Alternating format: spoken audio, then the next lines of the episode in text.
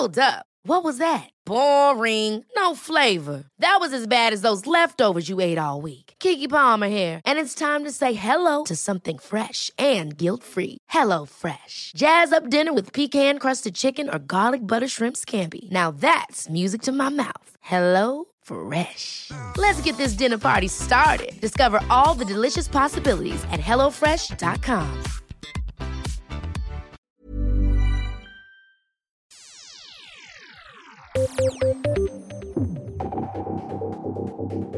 Bøker sensureres og kanselleres som aldri før i USA. Særlig går det utover LHBT-bøker. Konservative politikere og aktivister forsøker å utilgjengeliggjøre bøker om flytende kjønn og homoseksualitet, blant annet. Bør vi frykte for at fenomenet kommer til Norge? Etter at Aftenposten brukte en råtten appelsin for å illustrere kvinner i overgangsalderen, har avisen fått gjennomgå. Kritikere mener at logoen viser et problematisk bilde av overgangsalderen. Aftenposten tok til seg kritikken og endret podkastlogoen sin. Har vi blitt for hårsåre? Årslønnen til en etterretningsleder i Politiets sikkerhetstjeneste, eller PST, ligger nå på rundt 700 000 kroner, mens for avdelingslederne hos Kulturrådet så bikker lønnen en million. Det får skattekritikeren Sløseriombudsmannen til å rase. Tjener Kulturrådet-ansatte for mye? Du hører på Etikk og estetikk. Podkasten er tilbake i sin fjerde sesong og første episode.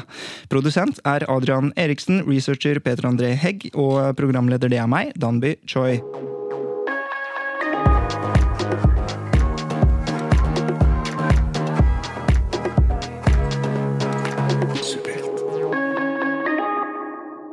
Med meg i studio har jeg Linn Aurora Wengen, som er intet mindre enn universitetslektor på UiO. Forlagsredaktør i Universitetsforlaget og skribent. Wengen er skribent for bl.a. tidsskriftet Samtiden, det feministiske magasinet Altså og den konservative nettavisen Minerva, for å nevne noen.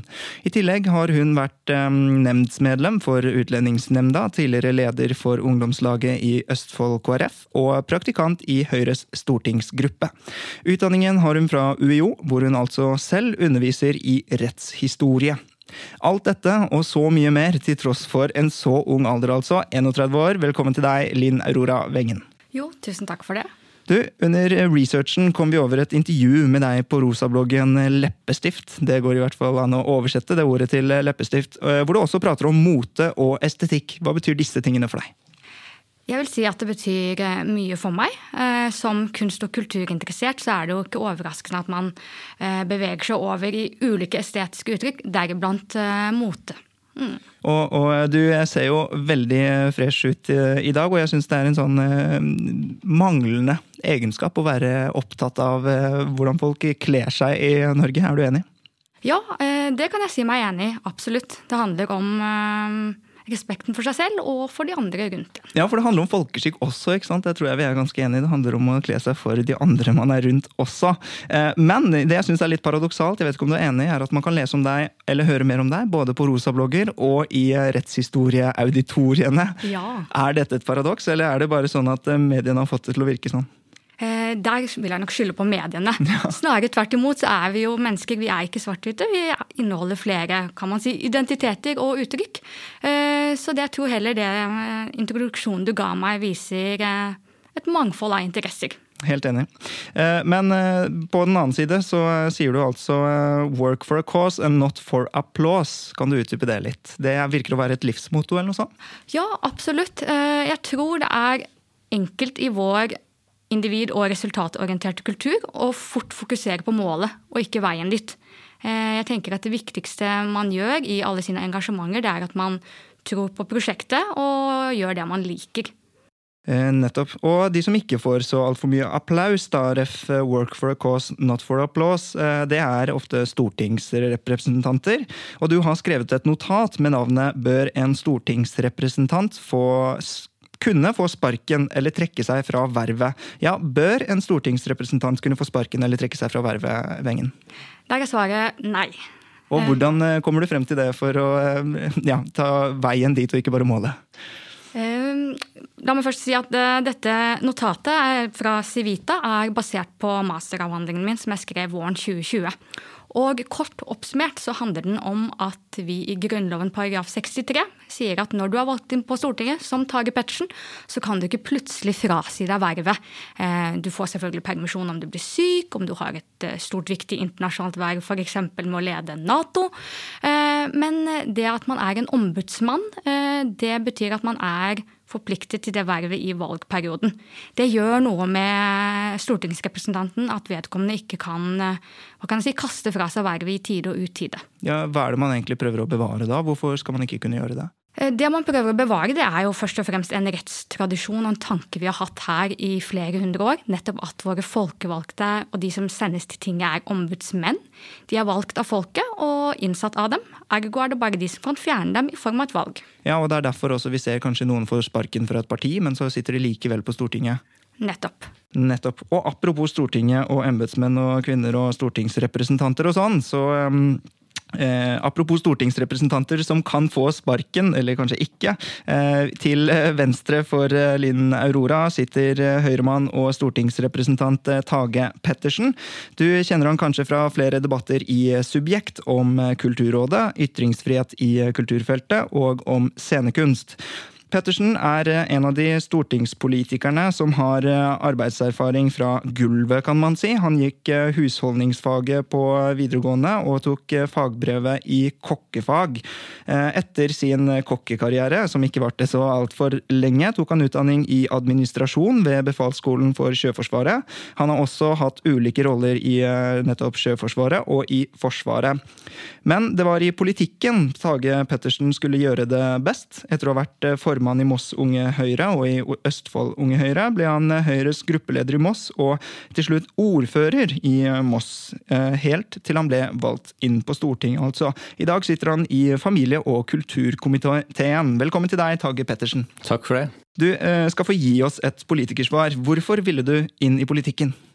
Oi, Det er alltid et veldig stort og for så vidt eh, vanskelig spørsmål å svare på. Men jeg valgte å engasjere meg veldig ung. Eh, og Jeg benyttet eh, anledningen her om dagen når det var lærernes dag til å takke min samfunnsfagslærer, som ikke lenger dessverre er blant oss, på, på ungdomsskolen, som var AKP-ML-er, og provoserte meg noe så grenseløst. Jeg tenkte at det han står her og sier kan ikke være riktig. og Jeg satte meg ned med alle partienes programmer og leste meg gjennom, og gikk hjem på skrivemaskinen som vi hadde den gang, og skrev et brev til formann i Moss Unge Høyre, som den gang var Brede Bø, eh, og spurte om jeg kunne få lov å bli medlem, og siden har jeg vært medlem av partiet. Ja, og Det er ikke bare damene som skal få spørsmål om hvor gamle de er. Du høres eldgammel ut når du sier dette, Tage. Hvor gammel er du? Ja, Jeg føler meg vel egentlig eldgammel også, fordi jeg passerte 50 i, i sommer. Ja, Det er det nye, nye 40. Takk. Men hvorfor ville du inn i kulturpolitikken, da, omsider? Nei, Det er et fantastisk spennende felt å jobbe med. Eh, jeg har alltid vært opptatt av kultur, kommet fra en familie som har vært opptatt av kultur i bredt. Men det var først i årene jeg var eh, ordfører at jeg virkelig så hva kulturen betyr for et lokalsamfunn, for enkeltmenneskene, eh, for, for en by som, som, oss, i forhold til å tiltrekke seg nye innbyggere, tiltrekke seg næringsliv, skape aktivitet. Så jeg pleier å si at den aller viktigste kulturpolitikeren i enhver kommune er ordføreren, eller sagt på en annen måte måte. De kommunene som ikke har en ordfører som skjønner at kulturpolitikk er viktig, de har heller ikke en god kulturpolitikk. Nettopp. Og du sitter i familie- og kulturkomiteen på Stortinget. Hva vil det egentlig si? Hva gjør dere der? Det betyr i praksis at jeg tror vi har det bredeste saksfeltet på hele Stortinget. Vi har tre statsråder som vi jobber sammen med. Det er kulturminnefeltet, som ligger hos klima- og miljøvernministeren. Så har vi hele porteføljen til barne- og familieministeren, som spenner fra selvfølgelig barne- og familiepolitikk til tro- og livssyn og forbrukerpolitikk. Og så har vi også hele porteføljen til kulturministeren, som jo er mangfold, likestilling, kultur, frivillighet, eh, mediepolitikk, for å nevne noe. Nettopp. Og eh, så er det jo sånn eh, at eh, du har involvert deg mye i kulturspørsmål i det siste. På desken så lurer vi på, går du inn for å bli kulturminister? Mm, ja, Det hadde vært en veldig for å svare ærlig, det hadde vært en veldig spennende post det når vi vinner valget neste gang. Men jeg må jo si at jeg er ikke mest opptatt av målet, jeg er mest opptatt av midlet på vei frem til det målet. Og det er å være en god ambassadør for Høyres kulturpolitikk i det daglige. Ja, og når jeg hører hvordan dere svarer, så har jeg lyst til å nevne litt dette med at vi Etikk og estetikk er ganske opptatt av mangfold og sånn, men i dag så har vi ikke klart det fordi vi har fått inn to først og fremst østfoldinger her, og begge østfoldingene er veldig opptatt av veien til målet osv. Og når vi først er inne på mm, Østfold, så tenkte jeg vi skulle ta en liten, veldig kort eh, oppvarmingsdebatt. Fordi eh, i Østfold så spiser man visst eh, pølse i vaffel. Har dere meninger om, meninger om dette? Absolutt. Eh, hvis jeg skal få lov å starte, så kan du heller få lov å argumentere imot. Og som mossing så er jeg jo også forpliktet til det. Det var jo Eivind Hellstrøm sin onkel som drev en pølsekiosk i Moss som innførte dette i sin tid, da han gikk tom for både lomper og pølsebrød, og da var det bare vafler igjen. Jeg hadde med meg kulturkomiteen på rundreise i Østfold for et par uker siden, og på stoppet i Moss så ble det selvfølgelig servert pølse i vaffel. Det var nytt for de aller fleste, og de aller fleste sa at dette er fantastisk godt, og det er det. Søtt og salt er veldig godt sammen. Jeg er jo fra Indre Østfold i Askim, og jeg må innrømme at vi ikke har like sterke meninger knyttet til denne pølse i vaffel som, eh, som Tage har. Men eh, jeg har smakt det, og jeg anerkjenner at det eksisterer. Veldig bra, og med det kan vi gå over på dagens første tema. Jeg heter Sofie Elise, og du hører på Etikk og estetikk, en podkast fra Subjekt.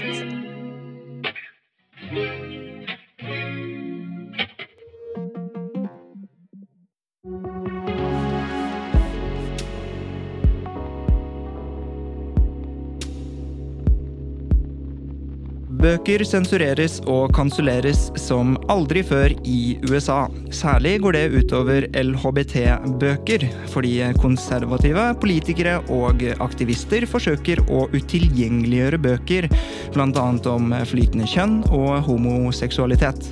Bør vi frykte at fenomenet kommer til Norge, Lina Rora Engen? Ja. Tage Pettersen? Nei. Og eh, siden du er kontrær, så skal du få lov til å starte. Hvorfor, når vi eh, merker at dette er et, eh, en så, sånn uting? Først og fremst fordi at jeg tror det norske samfunnet er et ganske så annerledes samfunn enn det amerikanske på veldig veldig mange områder. Vi er mer robuste. Vi er en befolkning som er eh, langt bedre utdannet i kall det samfunnsforståelse og kritisk, eh, kritisk sans. Eh, også, også landene våre bygd opp ganske ulikt, også når det gjelder bibliotekvesenet, hvor man jo i statene har politisk valgte styrer som i stor grad er med å velge hvilken type vinkling et bibliotek skal ha på sin samling samling, eh, som jo er ett av mange styrer hvor den konservative bevegelsen i, i USA er veldig opptatt av å få inn sine mennesker, nettopp for å, å, farge samfunnet i sin retning. I Norge er det heldigvis eh, bibliotekarer som har en fagutdannelse, som selvfølgelig kan ha en politisk mening, som er de som i stor grad velger ut eh, hvilke bøker man får mulighet til å låne i, i biblioteket. Så jeg tror absolutt at vi kan se tendenser til det, og det har vi jo for så vidt også hatt debatter om i, i de senere årene. Og det tror jeg selvfølgelig er sunt at vi har, men jeg, jeg tror ikke at, eh, at vi kommer til å arve det slik som vi ser det i USA, heldigvis. Eh, hva tenker du? Eh, du sier først og fremst at det er et problem, kanskje? Ja, som en generell observasjon og utgangspunkt så ser vi ofte at amerikansk kultur den importeres eh, lett til Norge.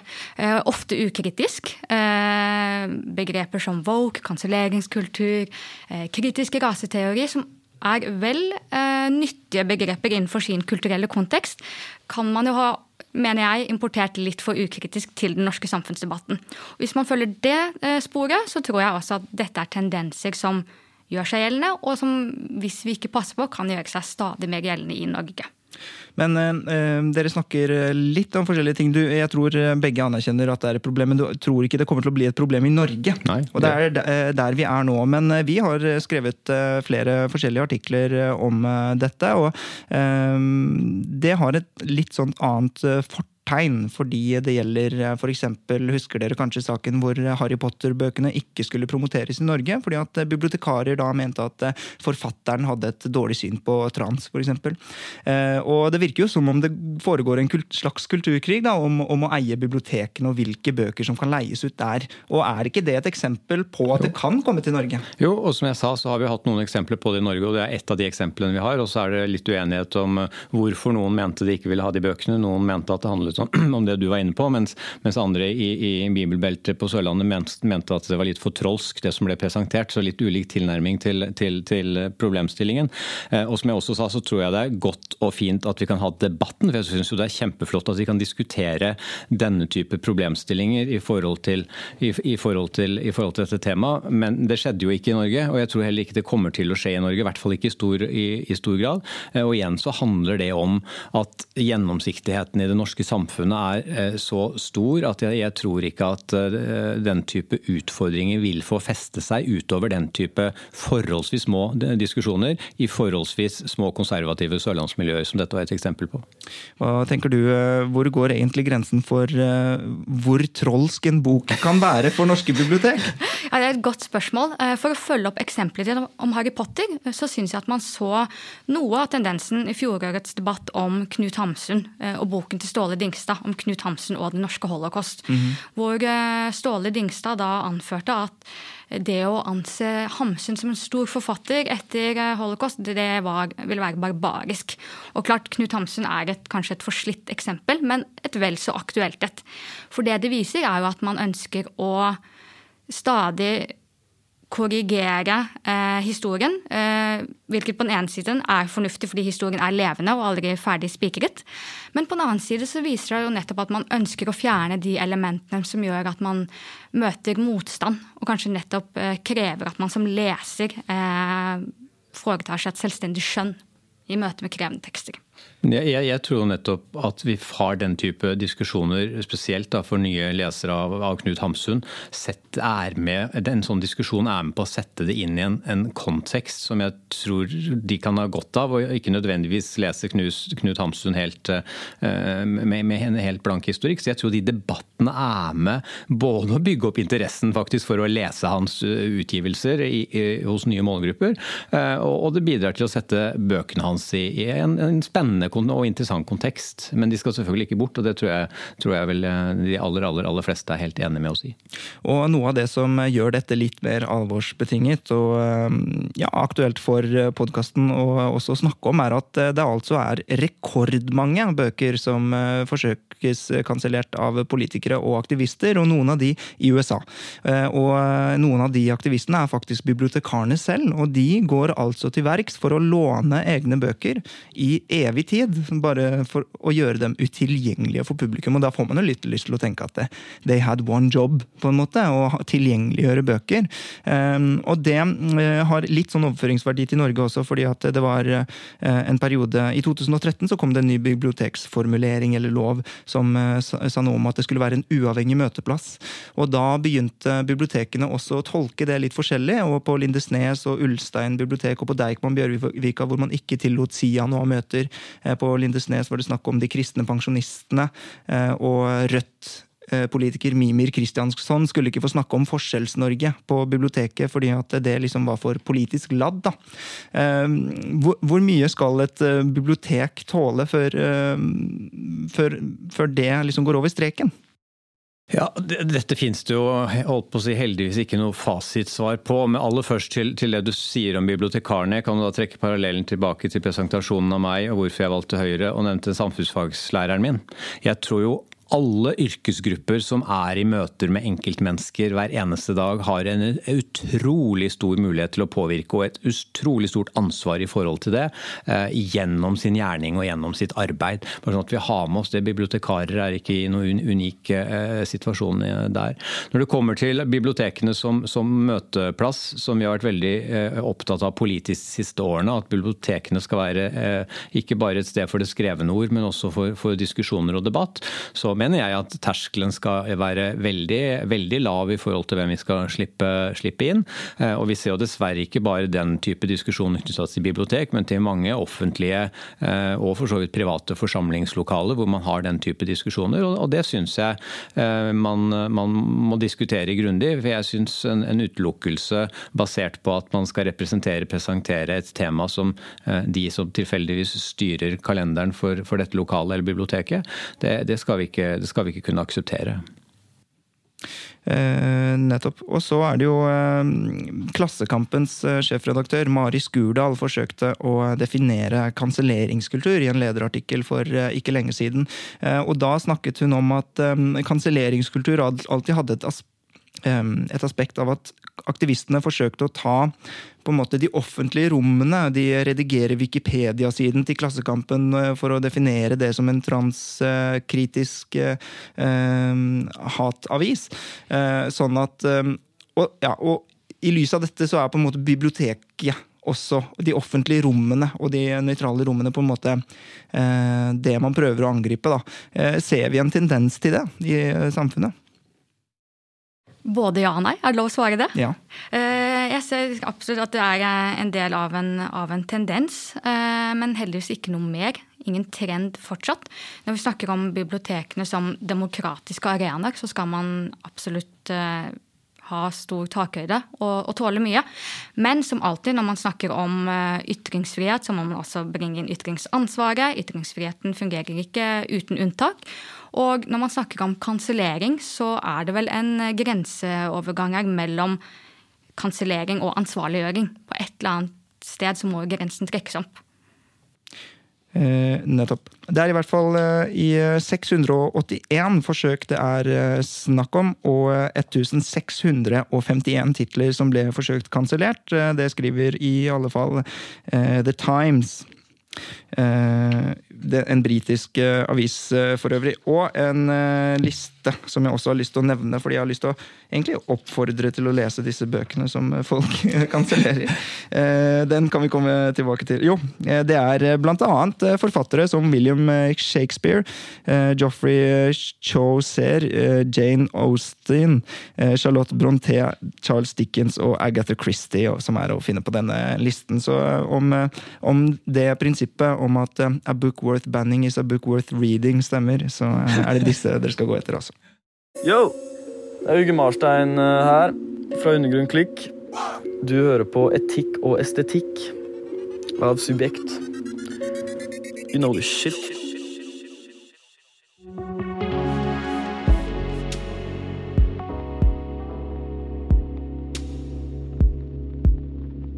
Etter at Aftenposten brukte en råtten appelsin for å illustrere kvinner i overgangsalderen, har avisen fått gjennomgå. Kritikere mener at logoen viser et problematisk bilde av overgangsalderen, ehm, og Aftenposten tok til seg kritikken de, og endret podkastlogoen sin.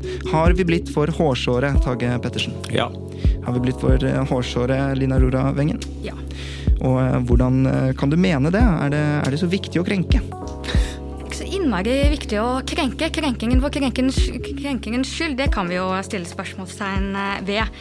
Eh, først og fremst må man gi honnør til Aftenposten og programlederne for at de nettopp ønsker å sette kvinnehelse på debatt. Eh, men avgrenset til denne illustrasjonen til podkasten, så mener jeg at man har blitt for hårsår. Når jeg så den, så fikk jeg assosiasjoner til appelsinhud, cellulitter, rynker. Altså typiske aldrings, aldringstegn som eh, unektelig er en del av livet. Og så kan man jo tenke seg om reaksjonen hadde vært like krass om Aftenposten hadde laget en podkast for menn og overgangsalder, og da illustrert den med en råtten banan. Det vet jeg ikke.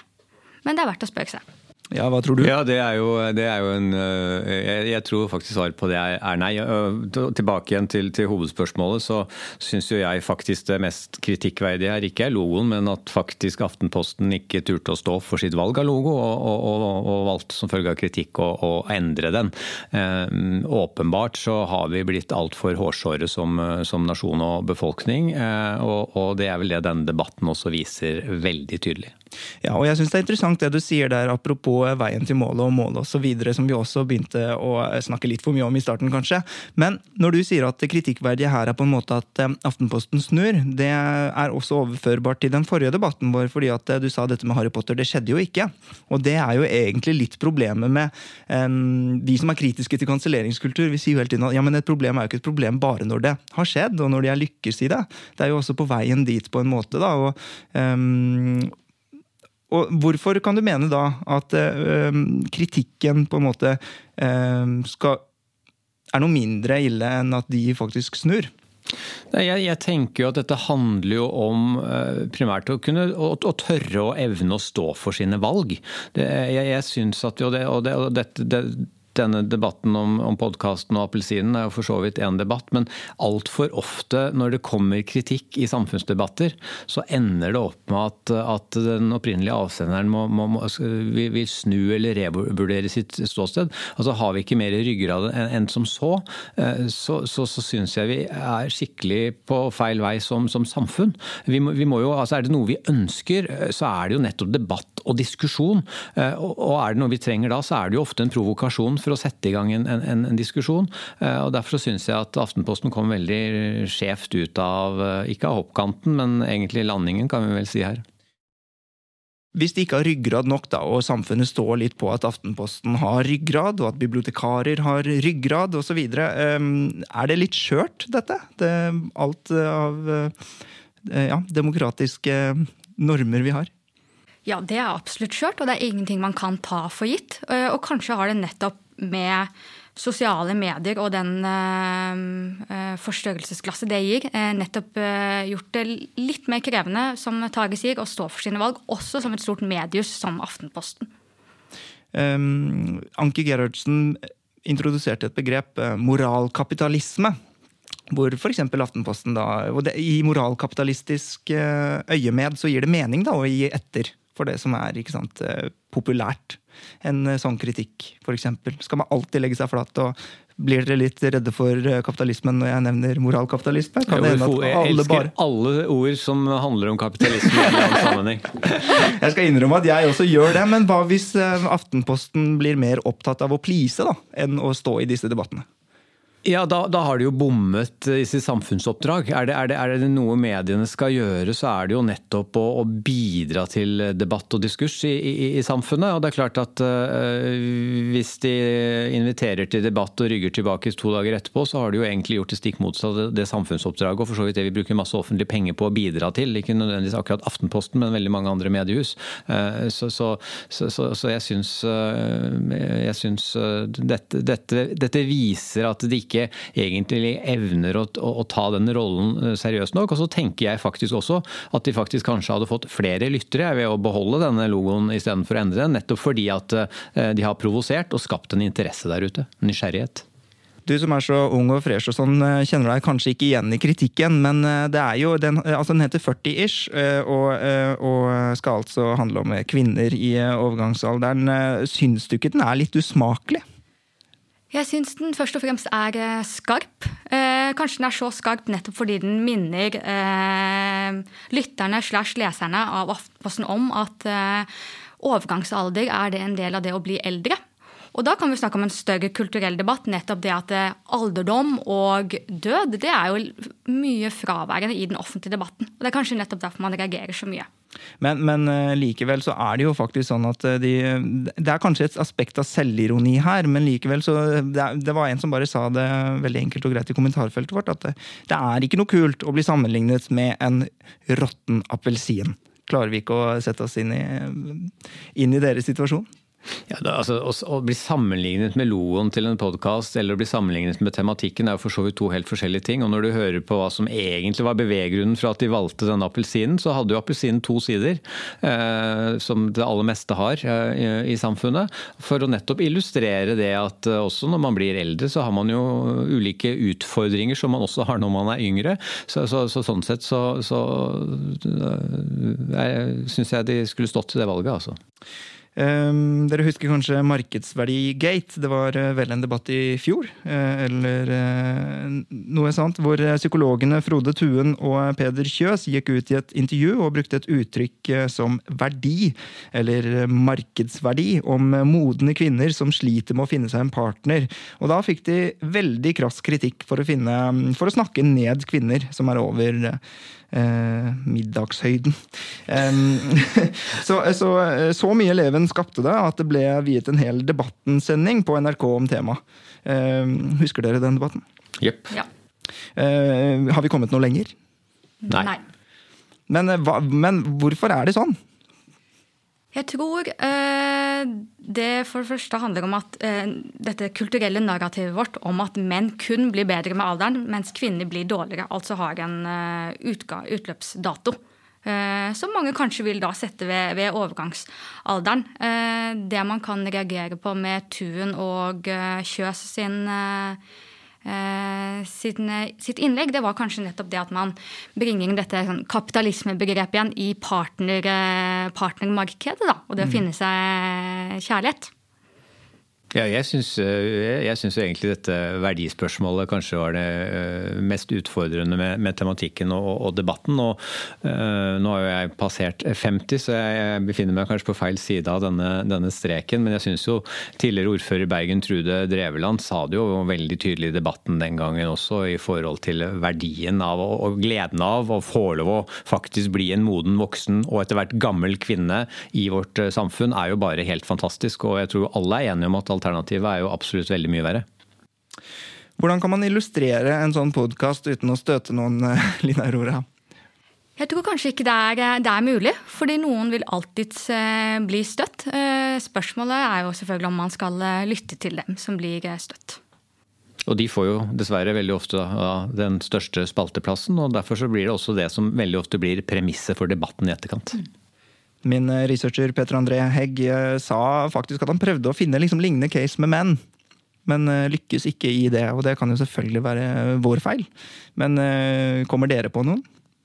Nei, jeg gjør ikke det. og så skal vi, altså, i, i, For å gjøre debatten litt større, så er det klart at i sånn kjønnsperspektivsdebatt, så er det klart at uh, det er nok uh, sett, sett, med samfunnet og, og, den enkeltes øyne, så er det nok helt sikkert uh, store, fortsatt store ulikheter mellom menn og kvinner når det gjelder dette med, med, aldring. Men da mener jeg at da har vi en jobb å gjøre, både som politikere, samfunnsdebattanter og andre, og sørge for å bygge ned det skillet. Nettopp. Da tar vi det med oss eh, videre, i hvert fall inn i tema nummer tre.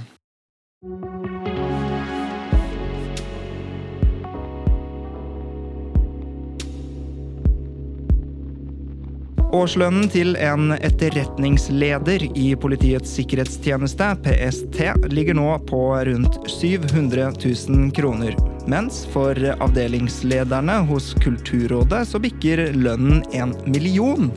Det får skattekritiske Are Søberg, bedre kjent som Sløseriombudsmannen, til å rase. Tjener Kulturrådet-ansatte for mye penger? Ja. Pettersen? Ja, i hvert fall i dette tilfellet. Ja, øh, Hva mener du er øh, ille med dette tilfellet? Nei, Jeg mener at det illustrerer vel utfordringen. Jeg vet jo ikke hva alle de andre rundt 150 ansatte i Kulturrådet tjener, så derfor skal jeg ikke svare på, på så stort eh, spørsmål. Eh, men jeg mener helt åpenbart at vi bruker altfor mye penger på å administrere eh, ca. en underkant av en milliard kroner som vi bruker til veldig mange gode kulturformål, og som vi fortsatt skal gjøre. Så, så det er bakgrunnen for svaret mitt. Men, men, det er, bare for å gjøre det klart, så mener vi altså at det er litt sånn samme sammenlignbart. Man snakker altså om avdelingsleder i PST og avdelingsleder i Kulturrådet. Hvorfor svarer du ja? Uh, ja, For det første så må jeg bare stille spørsmålstegn til, til premisset. Nettopp om det er uh, relevant å sammenligne PST og Kulturrådet og disse to ansatte på, på denne måten. Uh, men jeg tror også Søberg poengterte i en artikkel her i Subjekt at han sammenlignet litt epler og pærer. Eh, det vi kan trekke ut av det, er jo den prinsipielle debatten om lederlønninger i det offentlige, som eh, jeg mener i dette tilfellet er, er for høy. Eh, statsministeren tjener vel kanskje 1,7 millioner. Eh, og at en direktør da i staten tjener én, det kan man jo stille spørsmålstegn eh, ved. Ja, øh, Syns du sjefen din tjener for mye, Tage? Sjefen min, eller altså sjefen til øh, Ja, Unnskyld, hun var ikke statsminister lenger. Nei. nei. nei ok, ok. Nei, Syns du statsministre tjener for mye? I Norge er svaret på det nei. I forhold til ansvaret så er svaret på det nei. Nei, og, eh, men, eh, men, en uh, avdelingsleder hos Kulturrådet syns du tjener altfor mye når de tjener nesten ca. halvparten. Ja, og det er i hvert fall å sammenligne epler og pærer og snakke om statsministeren og en avdelingsdirektør i Kulturrådet eller en hvilken som helst annen statlig virksomhet. Men jeg tror vel vi, forhåpentligvis de aller fleste politikere, uten dessverre at noen har funnet måten å løse det på, er enig i at vi bruker altfor mye penger eller har et altfor høyt lederlønnsnivå i store deler av offentlig sektor.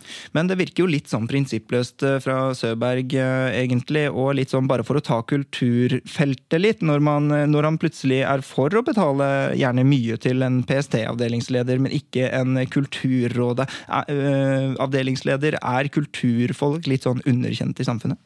Ja, det er det nok sikkert i, i, i, veldig mange miljøer. Samtidig så må du huske at uh, veldig mange av uh, kulturarbeiderne der ute i samfunnet er jo helt i den andre enden av denne lønnsskalaen. Uh, mange av de lever jo under, godt under minste, minstelønn. Og det er klart at når man da skal sitte og forvalte ordninger som skal ut i et så mangfoldig felt, så skjønner jo jeg at det er legitimt å stille spørsmål ved lønnskostnadene, eller som jeg jo generaliserte seg litt og si de administrative kostnadene vi faktisk bruker på å dele ut denne nesten milliarden. Du nevnte hvor eh, mye en eh, offentlig eh, leder kunne tjene, eller en leder i det offentlige. Og blir det noe lettere og blir det noe mindre epler og pærer hvis man sammenligner offentlige ansatte og private? Hva er hoved, den prinsipielle forskjellen her? Den prinsipielle forskjellen er jo at eh, både PST og Kulturrådet det er offentlige organer. Eh, så de, eh, de finansieres over skatteseddelen, som da er mine og dine penger. Og da mener jeg at det er helt, en helt annen bevisbyrde og, som kreves. Ja, nei, jeg, jeg, er helt, jeg, er helt, enig i, i det. Og, og, samtidig så må vi også selvfølgelig se på Og det kan jo selvfølgelig være en utfordring. Vi må jo se på, på, på rekruttering. Det er klart Offentlig sektor rekrutterer jo ikke et, i et vakuum. Eh, men i dette eksempelet så rekrutterer man nok i veldig stor grad fra det samme kulturfeltet som jeg nettopp eh, snakket om, som, som absolutt helt sikkert vil være eh, enklere å, å kunne rekruttere, i hvert fall med mindre konkurranse fra det private arbeidsmarkedet.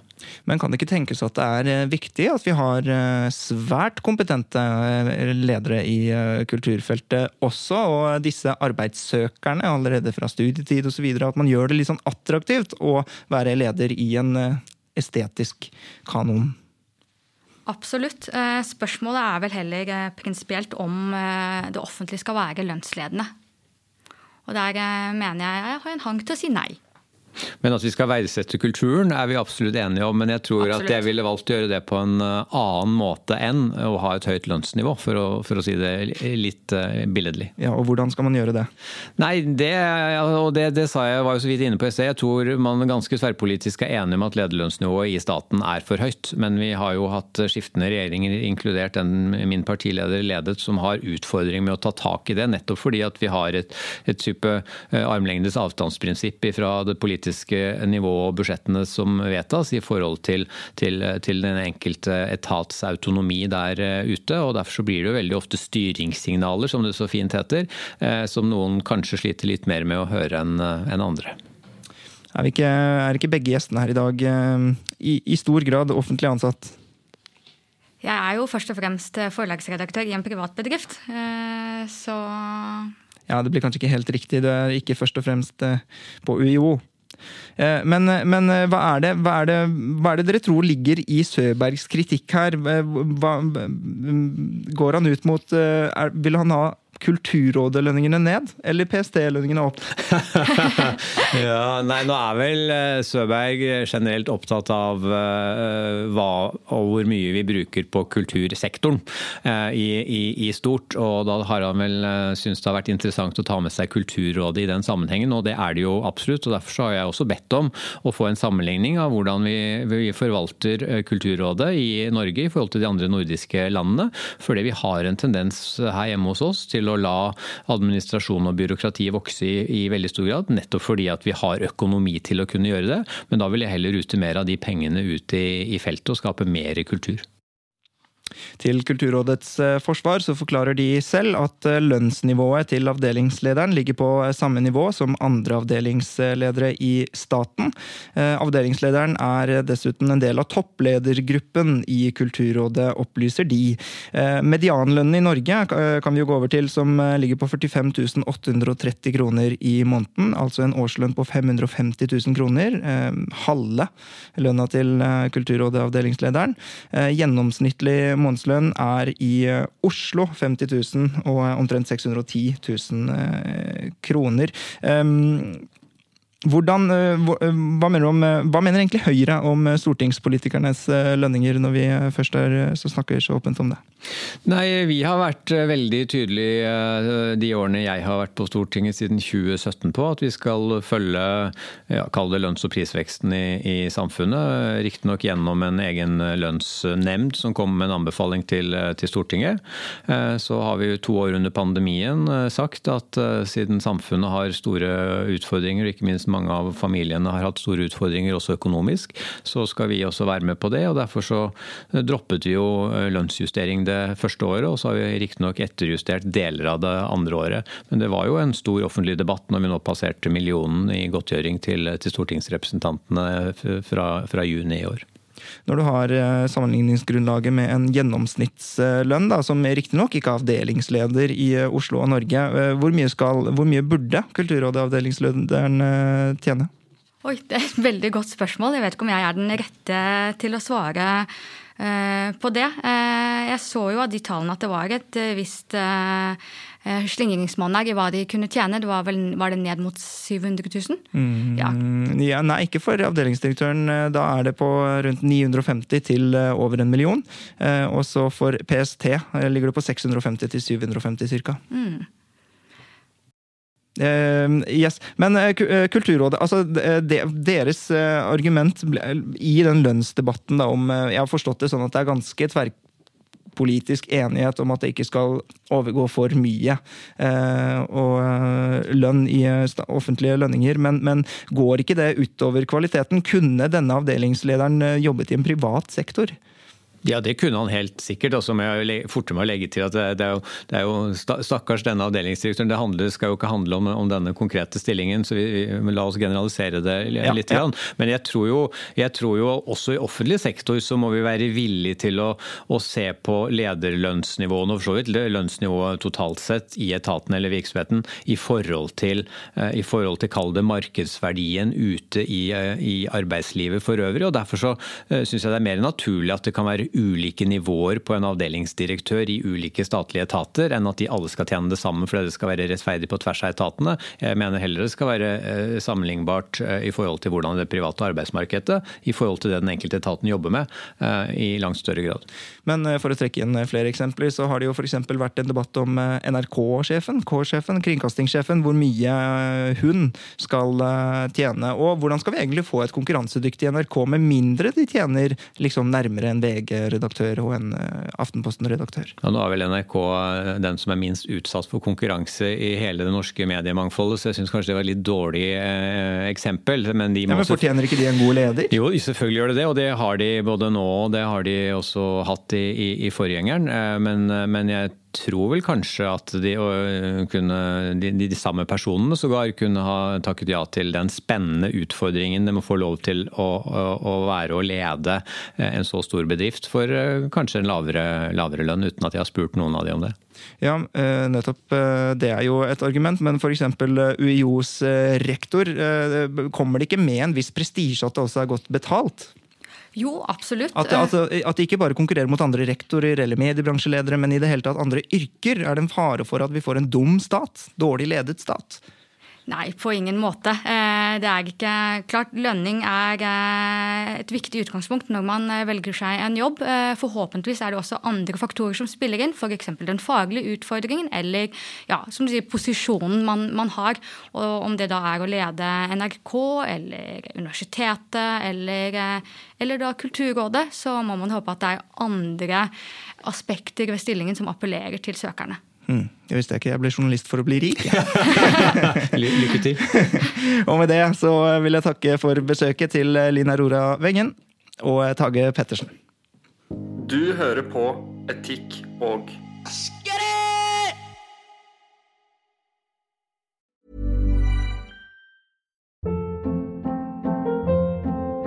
Hold up. What was that? Boring. No flavor. That was as bad as those leftovers you ate all week. Kiki Palmer here, and it's time to say hello to something fresh and guilt-free. Hello Fresh. Jazz up dinner with pecan-crusted chicken or garlic butter shrimp scampi. Now that's music to my mouth. Hello Fresh. Let's get this dinner party started. Discover all the delicious possibilities at hellofresh.com.